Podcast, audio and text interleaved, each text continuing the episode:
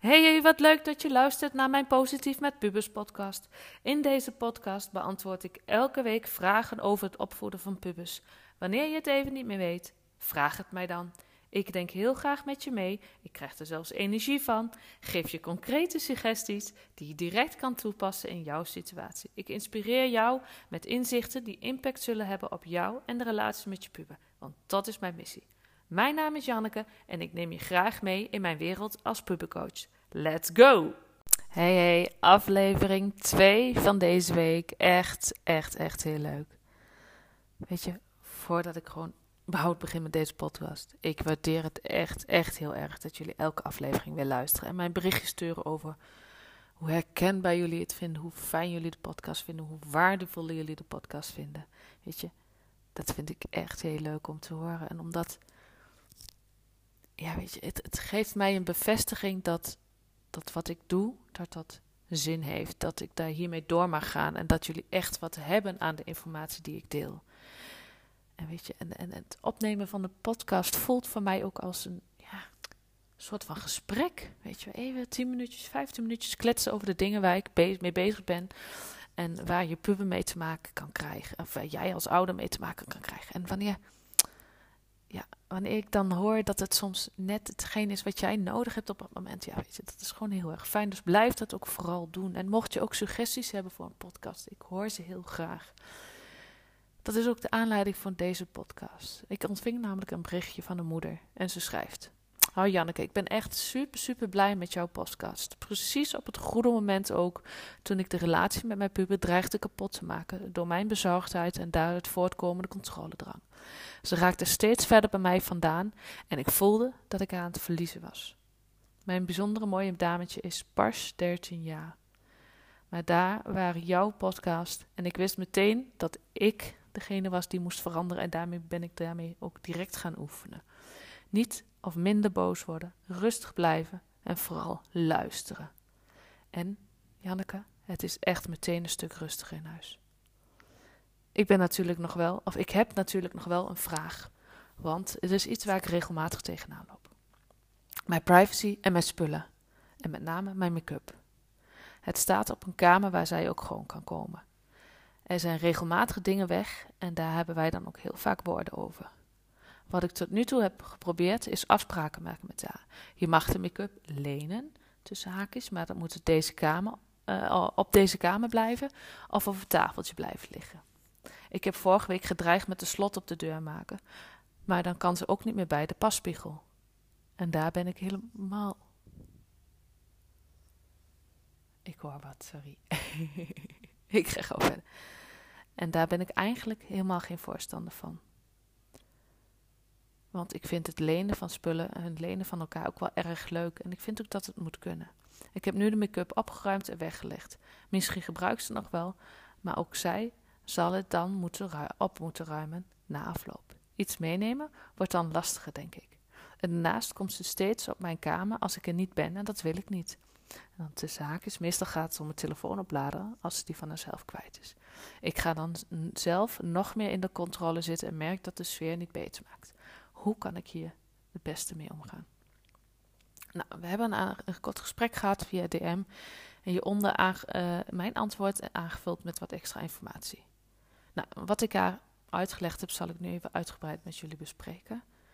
Weet je, uh, deze moeder geeft aan dat ze het lenen van spullen geen probleem vindt, zolang ze het maar terugleggen. Ik las ook, en dat heb moeder ook verteld, van dat, uh, dat deze dochter dat niet doet. Ik heb deze moeder ook gevraagd van, goh, in die gesprekken geef je dan ook aan wat je wel en wat je niet goed vindt en onder welke voorwaarden dingen wel mogen en de gevolgen als je dochter zich niet aan die afspraken houdt. Weet je, dit is geen verwijt naar deze moeder, maar dit was meer ook voor mij om inzicht te krijgen in wat, wat deze moeder al wel doet. En wat ik moeder heb aangeraden is nogmaals dat gesprek aangaan. Weet je, geef aan dat, dat je het geen probleem vindt dat je dochter je spullen gebruikt. Maar weet je, er zijn wel voorwaarden en afspraken aan het tussen haakjes lenen. En dan is het belangrijk dat je aangeeft dat je het niet prettig vindt dat je, uh, dat je puber of je dochter in dit geval, zomaar op je kamer komt als jij er niet bent. Net zoals jij, of je, je puber dan, het niet prettig vindt dat jij op haar kamer komt als zij er niet is. Weet je, maak er een soort win-win situatie. Maar dan wordt de noodzaak voor je puber ook duidelijk. Een oorzaak-gevolg overzien pubers namelijk nog niet. Niet goed in ieder geval. Tenzij het in hun nadeel werkt. Dus opruimen en terugleggen is iets waar ze niet echt over nadenken. In hun hoofd zijn ze daar helemaal niet mee bezig. En zeker wanneer ze ergens weer klaar zijn, zijn ze alweer bezig met: oké, dan gaan we naar het volgende. En dan zijn ze alweer afgeleid. Dus tot op zekere hoogte kun je het ook niet kwalijk nemen. Maar ze kunnen het natuurlijk wel trainen. En daar hebben ze een coach voor nodig. Een ouder die hen daarin begeleidt, die hen stimuleert, motiveert. En niet een ouder die elke keer boos wordt of elke keer de discussie aangaat als ze weer iets hebben geleend en niet hebben teruggepakt. En die dus constant benadert dat het niet goed gaat. Nou, op dit antwoord heb ik van moeder een reactie gehad, die lees ik weer even voor. Nou, ik heb inderdaad meerdere keren gezegd dat ik het gebruik uh, van mijn make-up geen probleem vind. Maar ik wil, dat schreef ze met hoofdletters, dat ze het laat liggen op de kamer. Oftewel, niet echt een gesprek eerlijk gezegd, maar opleggen wat mijn wil is. Er is geen consequentie aan verbonden. Ja, dat ze het niet mag gebruiken als het zo doorgaat. En, dat, eh, en dat ben ik ook nog niet nagekomen, want uh, dan zou ik het moeten verstoppen. En dat is het laatste wat ik wil. Ik ga met haar gesprek gaan over het gebruiken van mijn spullen en over onze privacy. Wat voor consequenties zou passend zijn, denk jij? Of toch verstoppen, maar dan ook echt doen? Nou, ook hier heb ik natuurlijk weer een reactie op gegeven, want dat vind ik dan ook wel heel erg leuk om te doen. Nou, wat moeder eigenlijk hier aangeeft is, uh, en wat ze je zegt, is eigenlijk wat ze zelf ook nodig heeft, of wat nodig is. Weet je, deze moeder weet dat als ze echt luistert naar haar gevoel, weet ze wat nodig is. En dat vertelt ze eigenlijk hier ook al in haar reactie.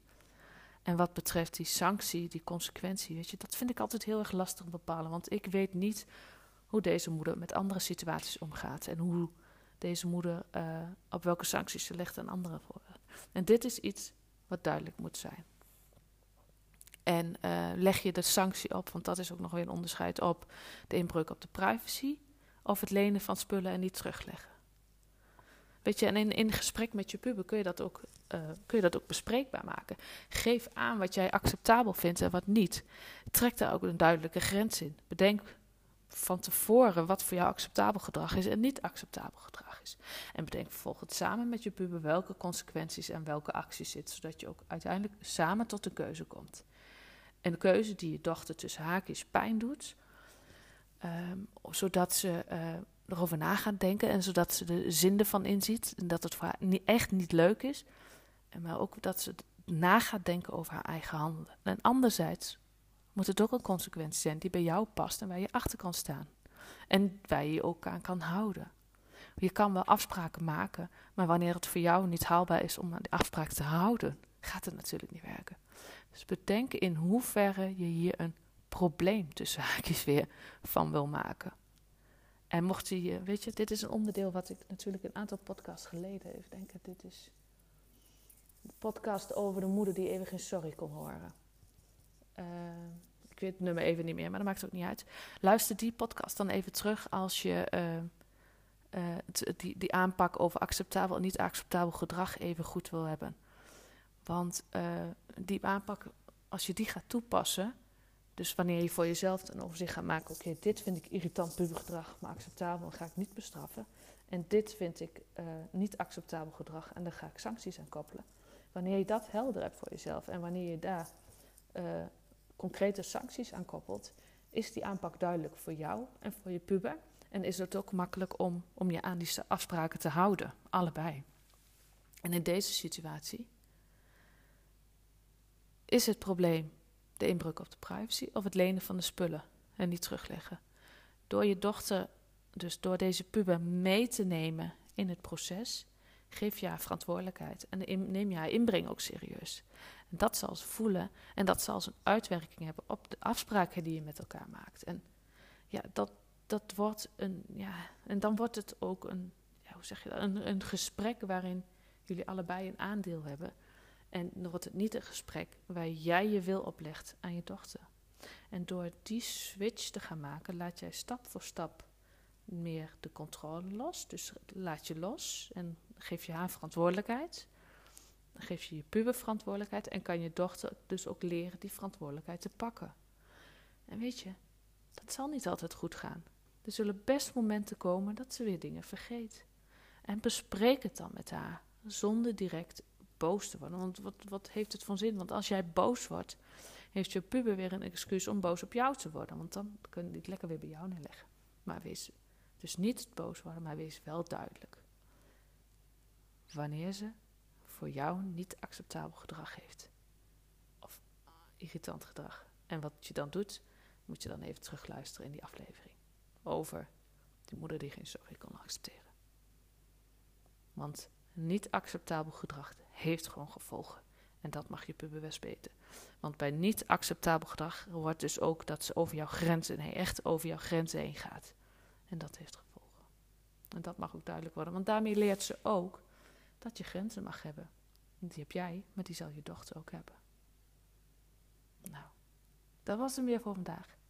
Laat me weten of jij je herkent in deze situatie of een soortgelijke situatie en of je wat met hetgeen wat ik besproken heb, of je daar wat mee kan. En mocht je zelf een keer een vraag hebben, stel me die dan. Want zonder jullie vragen kan ik geen podcast maken. En zoals ik elke keer zeg, vind ik dat toch wel heel erg leuk. En heb ook niet het gevoel dat ik super druk ben met alle vragen beantwoorden. Want zo voelt dat voor mij niet. Ik vind het gewoon heel erg leuk om die vragen te beantwoorden. En het geeft mij energie. Het kost mij in die zin niet veel energie. Volg je mij nog niet op Instagram? Zoek me dan even op en volg me dan. Dan ontvang je ook elke dag weer nieuwe inspiratie over het opvoeden en omgaan met pubers. En houd ik je op de hoogte van de ontwikkelingen en de online training die in januari gaat komen. En mocht je het nog niet hebben gedaan, bestel dan mijn boek via www.helppuberproblemen.nl Ik was hem even vergeten. En nog één ding. Zou je voor mij een review willen schrijven op de Apple Podcast? Dit helpt mij mijn podcast te laten groeien. En op deze manier kan ik nog meer ouders bereiken. Want dat is mijn missie, zoals je weet. Graag. En ik vind het ook leuk als je een screenshot maakt van deze podcast en die deelt via social media en mij erin tagt, want dan weet ik dat je hebt geluisterd. Nou, dat was hem weer voor deze week. Dankjewel weer en tot de volgende keer. En dat is volgende week maandag. Doei doei!